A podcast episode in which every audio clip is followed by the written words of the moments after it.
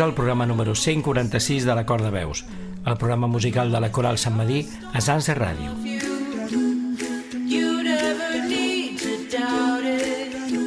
Avui és el primer programa de la quarta temporada ja.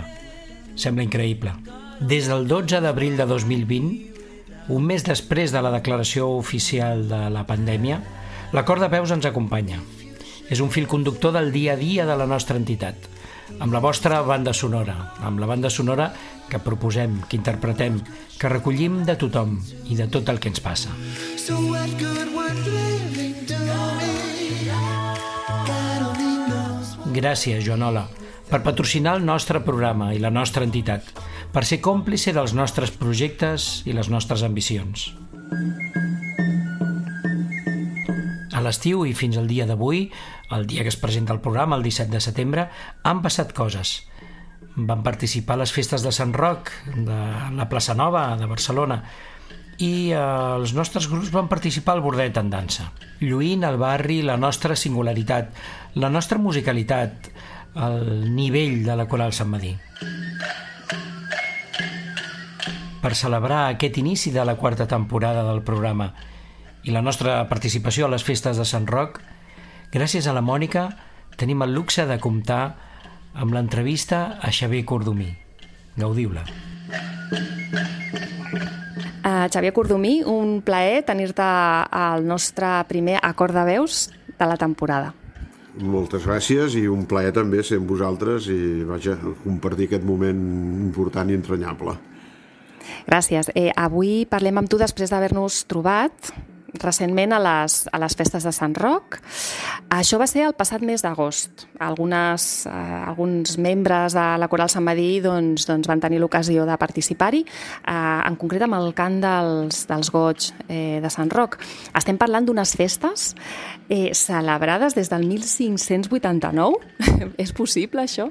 Sí, és possible perquè de fet tenim les referències, vull dir, de que estan celebrades des d'aquest any i això ens dona el, la, la satisfacció i la responsabilitat alhora de ser les festes en actiu, vull dir que encara es conserven més antigues de la ciutat de, la, de Barcelona, sent unes festes organitzades per un veïnat i sobretot per un veïnat d'un barri que pràcticament no existeix com és el barri de la Catedral de Barcelona, emmarcada dintre d'aquest barri turístic conegut com el barri gòtic.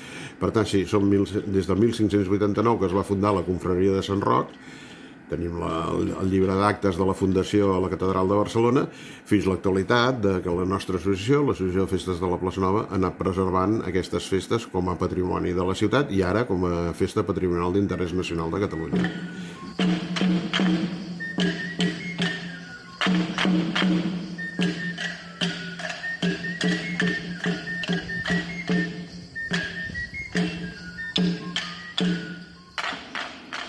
És eh, tot una fita.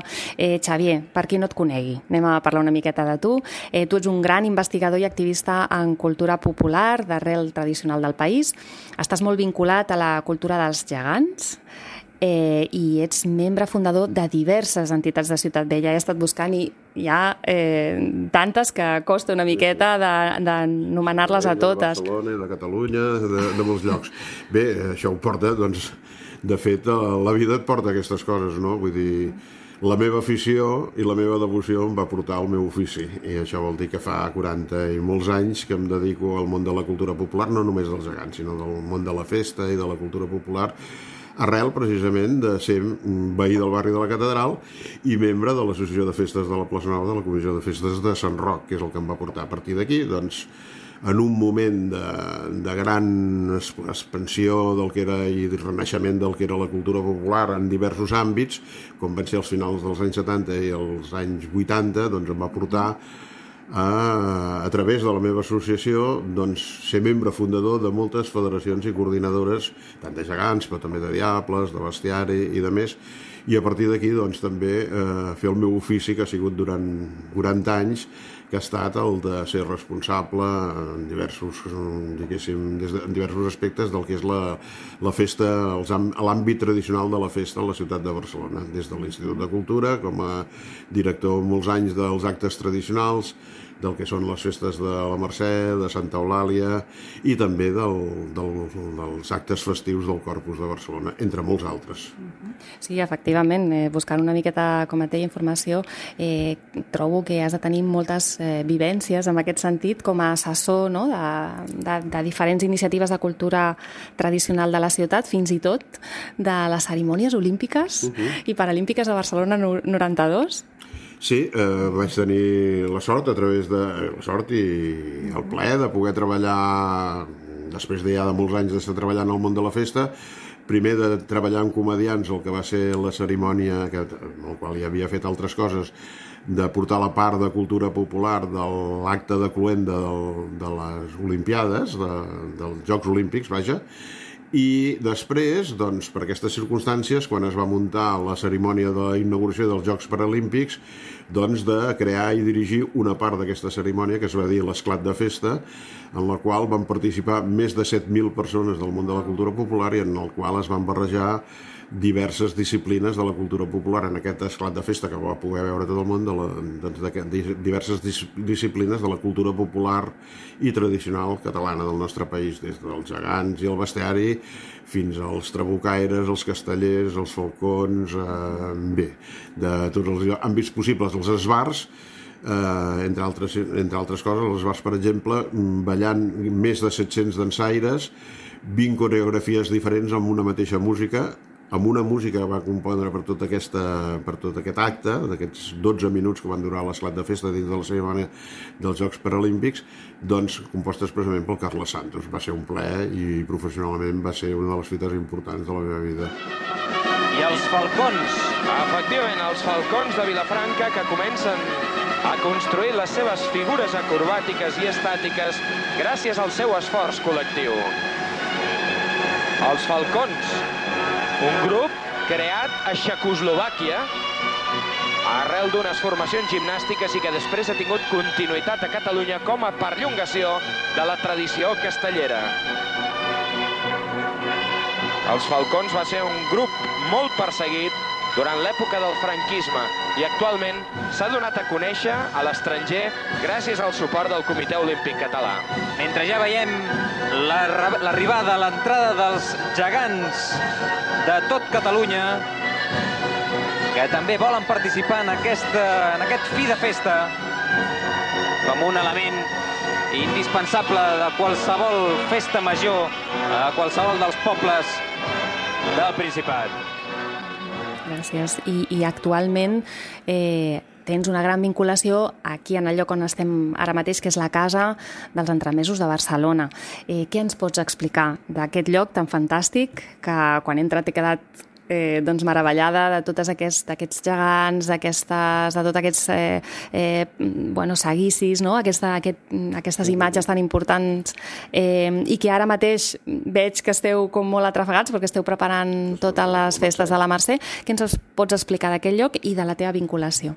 Bé, doncs, eh, dins d'uns projectes que vam redactar, concretament que vaig redactar jo l'any 1984, que era la recuperació de la imatgeria festiva de la Barcelona Vella i per una reorganització del, del calendari festiu de Barcelona, havia un projecte que era recuperar, o reinventar, més que recuperar, no? un espai on poguéssim eh, posar tota la imatgeria que en aquest moment s'estava recuperant, gegants, bestiari, caporals, etc, i recuperar un nom històric que havia estat el nom de la Casa dels Entremesos, que ja havia existit en el segle XV, eh, que era l'espai municipal on l'Ajuntament guardava aquells elements que participaven a diferents processons i seguís, que eren els coneguts com, a, com entremesos. Uh, aquest projecte, després de molts anys, uh, va, va ser una realitat el 2009 a través de la Federació d'Entitats de Cultura Popular i Tradicional de la Barcelona Vella, que és l'entitat que en el seu moment jo presidia i de la qual també forma, eh, també és associada l'entitat de l'Associació de Festes de la Plaça Nova, i va ser la realització de, de construir aquest edifici, bueno, construir, adaptar aquest edifici antic, el Palau Estalric Saverdera, en el barri de Santa Caterina, eh, per aquest espai que després no només va ser un espai museístic per la imatgeria festiva, sinó que a més a més és un espai de creació, de, de residència de 15 entitats de cultura popular, per fer assajos, per fer projectes, etc. I és un espai obert a la ciutadania. Per tant, jo, és un altre dels projectes del que estic molt satisfet, a més a més que vaig dirigir des del 2009 fins al 2021. Ara doncs, ja m'arriba la jubilació, però encara mantinc el, el vincle sent el vocal d'activitats i actes eh, d'aquesta federació i, per tant, la vinculació amb la Casa dels Entremesos, malgrat que ja no sóc el director, és, és eh, vaja, molt efectiva.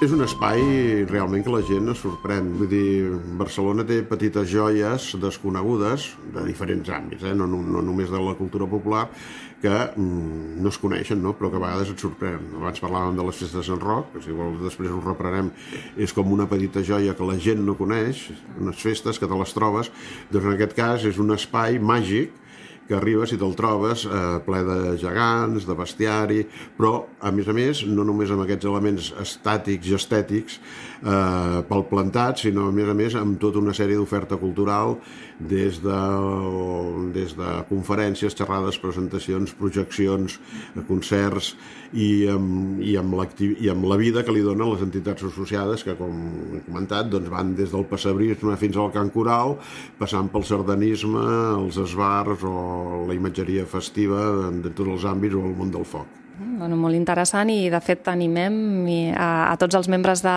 de la nostra coral que investiguin una miqueta, que qui no conegui la Casa dels Entremesos que ens faci, que us faci una, una visita. Eh, Xavier, també has publicat una vintena de llibres eh, del que hem trobat eh, i jo et volia demanar, ara que vivim amb, bueno, en temps de posar en valor eh, la nostra cultura i especialment l'ús de la llengua, quina lectura o quines lectures ens, ens recomanaries? Bé, eh, lectures eh, del món de la cultura popular anem moltes. Si, clar, no recomanaré un, un, llibre meu, però jo sobretot recomanaria eh, alguna cosa que ens expliqui la ciutat de Barcelona eh? I, i no recomanaré cap lectura en concret però, però sí que seguiria diversos autors que ens descobreixen la ciutat de Barcelona en molts aspectes, com per exemple el Xavier Terós seria un dels autors que ens podria descobrir la ciutat de Barcelona o, o si no, doncs ja que estem parlant de cultura popular, els diferents, els, les diferents publicacions que últimament s'han fet a la, a la nostra ciutat sobre diversos àmbits. No concretaré cap autor, uh mhm. -huh. perquè tampoc em vull... Mullar. Ah, exacte. No et vols mullar gaire, però bé, eh, suposo que estem d'acord, no?, que és interessant i que la, i que la, la, bé, l'oferta o la, la, la possibilitat de trobar doncs, literatura especialitzada en l'àmbit de la música popular o tradicional, doncs, doncs potser sí que ens podeu orientar una miqueta des d'aquí. Bé, sobretot eh, aquí el que hem treballat és tot el que és l'àmbit de la imatgeria festiva, sobretot. I, i hem publicat fins i tot partitures. Dir, tenim, en col·laboració amb el Tradicionarius estem, hem publicat, per exemple, tot el que són les partitures del, del seguici, dels, dels diferents balls que fan el seguici popular de Barcelona, és a dir, des del Ball de Bastons fins al Ball de l'Àliga de la ciutat, referenciades i de més, o per exemple hem fet una col·lecció sobre en un àmbit bastant desconegut i avui en dia molt maltractat, que és l'àmbit de la percussió, col·laborant també amb, amb el Tradicionarios, amb el CAT, doncs hem publicat una col·lecció de llibres de percussions eh, en l'àmbit de la dansa doncs publicat diversos discos en aquest cas a l'Esbar Català de Dansaires de dansa tradicional sobretot vinculat amb totes les presentacions del, del que és el Mercè Dansa un festival que es coneix pel Mercè Dansa que ha recuperat moltes danses d'arreu del país des de la Catalunya Nord fins a les Balears també hi ha moltes publicacions eh, de diferents discs de, eh, com deia, de Vall de Gegants o de Vall de, de, de Bestiari i s'han publicat bastants llibres en col·laboració de diferents entitats, sempre la federació al darrere, eh, però els, els que treballen són les entitats, doncs, eh, de, de folklore local de diferents poblacions que no són necessàriament Barcelona. Jo, per exemple, l'últim llibre que, que he fet jo doncs és un, una recerca que vaig, que vaig fer amb la meva dona durant dos anys a Torroella de Montgrí, uh -huh.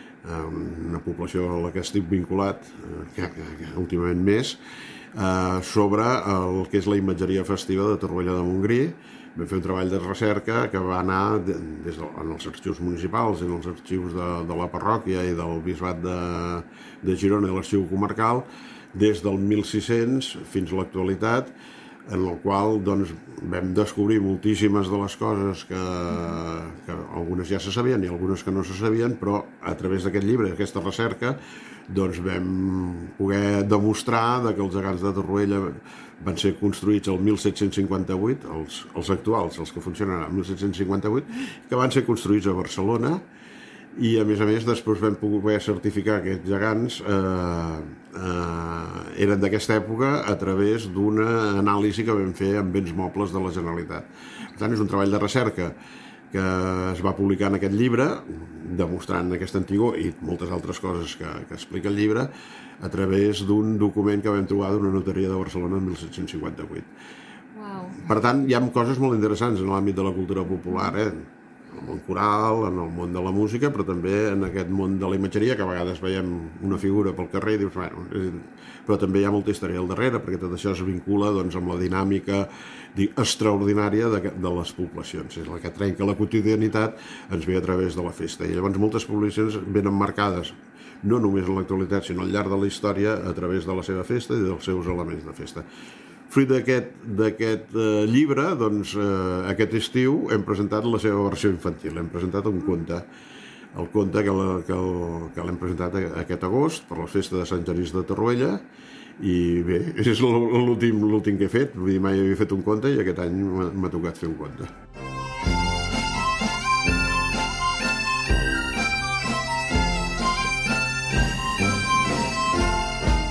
Comentàvem, no? eh, les imatges i el, les diferents doncs, eh, ima im, bueno, imatges, no? estem parlant gegants, no? imatgeria. Eh, tenim catàleg, la, les tenim catalogades, però se'n fan de noves? Se'n construeixen de noves? Bé, això és una locura en aquest moment. Vull dir, eh, bé, se'ns ha escapat una miqueta de les mans, eh? també mm. tot plegat. Uh, se'n fan moltíssimes. Uh, jo he fet una col·lecció amb el Cep i la Nansa de Vilanova, sobre la imatgeria festiva de Barcelona, diferents, eh, que són, de fet són inventaris, que eh, el CEP i la Nansa amb altres autors ho ha fet de tota Catalunya i bé, és inacabable. Vull dir, jo li deia a l'editorial, dic, és que quan acabes el llibre ja, el llibre ja ha quedat antic perquè se'n fan molt.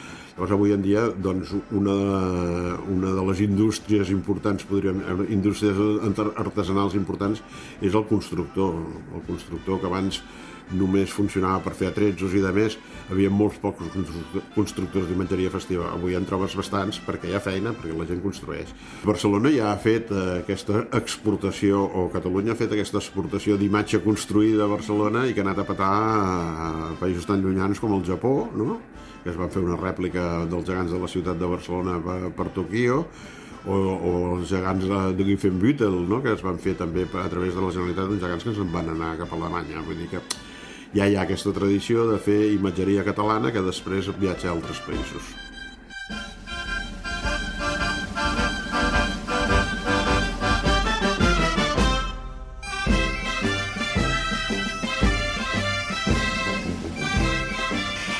Bé, ja, ja per acabar, ara parlem una miqueta més de música. Eh, T'hem demanat que, que ens acompanyi alguna música que coneguis i que ens vulguis recomanar eh, mentre estem fent aquesta entrevista. Ens podries explicar una miqueta alguna de les peces que estem sentint? Bé, doncs eh, hi ha els cants dels goig, evidentment, els cants dels goig de Sant Roc. Eh... Descalçat i la cama sense roba des d'aquesta plaça nova beneïu nostra ciutat. Els cants en lleó a Sant Roc que canten els veïns de la plaça Nova que és un clàssic i el que em vincula amb una de les meves més important de la meva trajectòria, que és el barri de la Catedral i la festa de Sant Roc. Eh, després sentim el Ball de l'Àliga,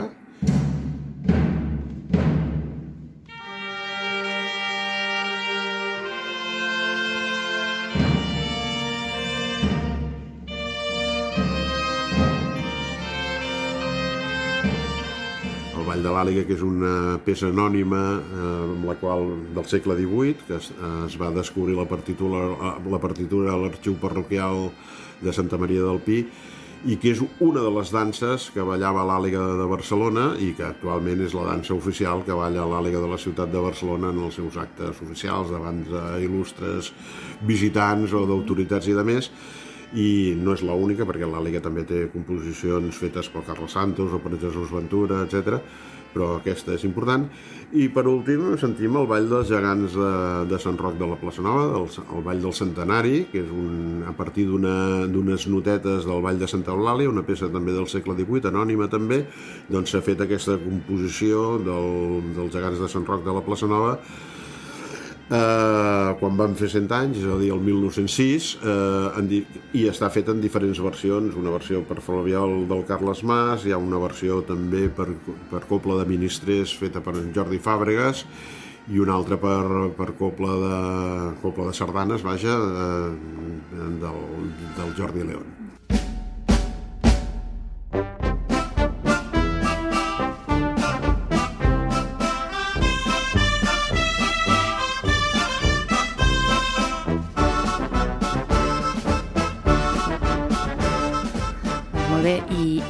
Parlem una miqueta de la col·laboració de la Coral Sant Madí en, en aquestes festes de Sant Roc.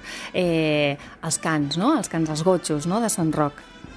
Bé, mira, això és una gran satisfacció i a més estic molt agraït a la Coral de Sant Martí per, de Sant Madí perquè ens ha omplert un forat que teníem important eh, dintre de tot el que és la cerimònia de la festa de Sant Roc. Com deia, com he dit, o com dic ara, la festa de Sant Roc és com una petita joia que et pots trobar dintre de la ciutat i la gent desconeix. La gent coneix les festes de Gràcia, coneix les festes de Sants i si més no, tothom coneix la festa del seu barri o del seu poble.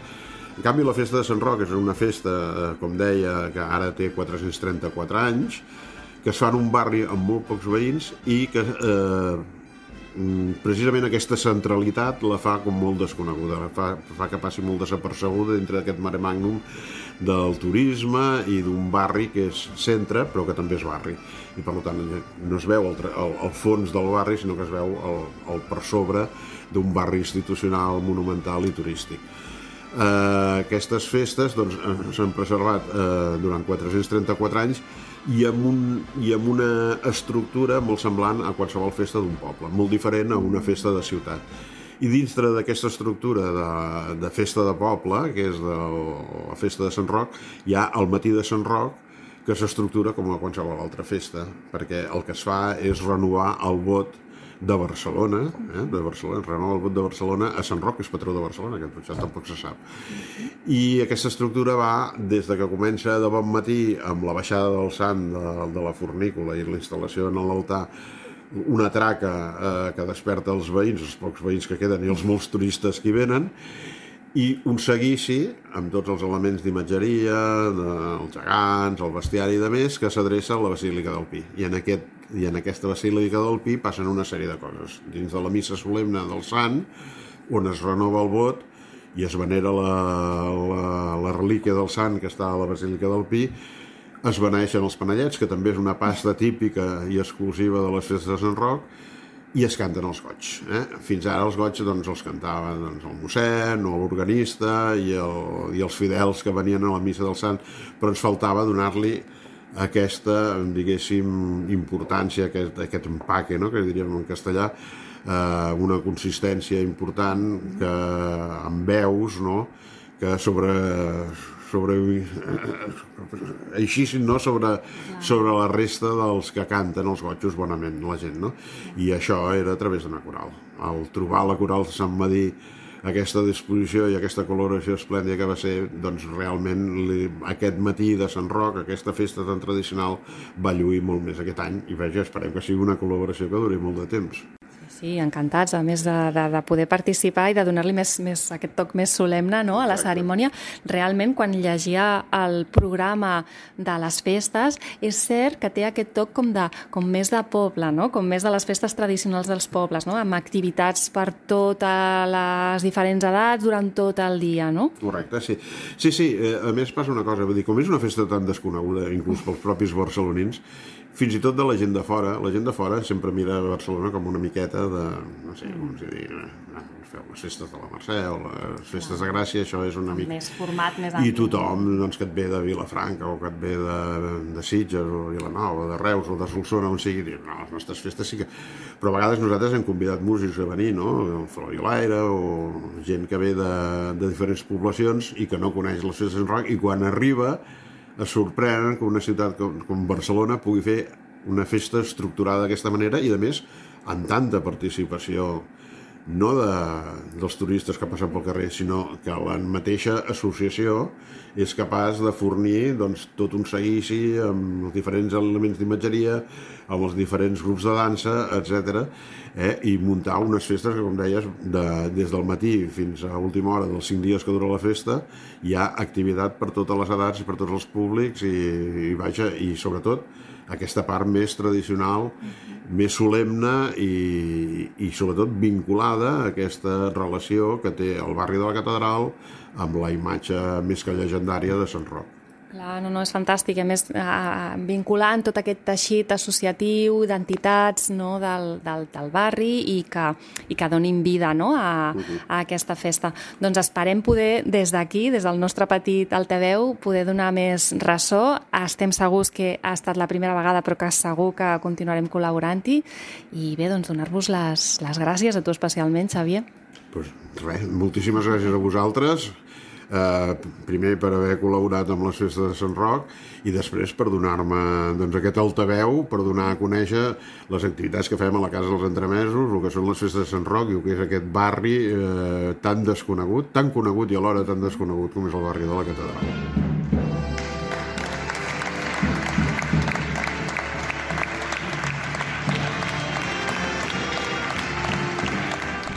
No trobeu que gràcies a la Mònica i al reconegut Xavier Cordomí, a l'acord de veus hem celebrat la nostra diada nacional de la millor manera possible?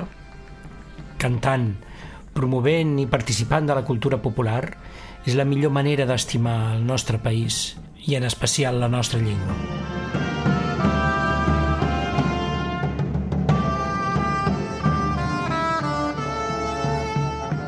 Fins aquí el programa d'avui.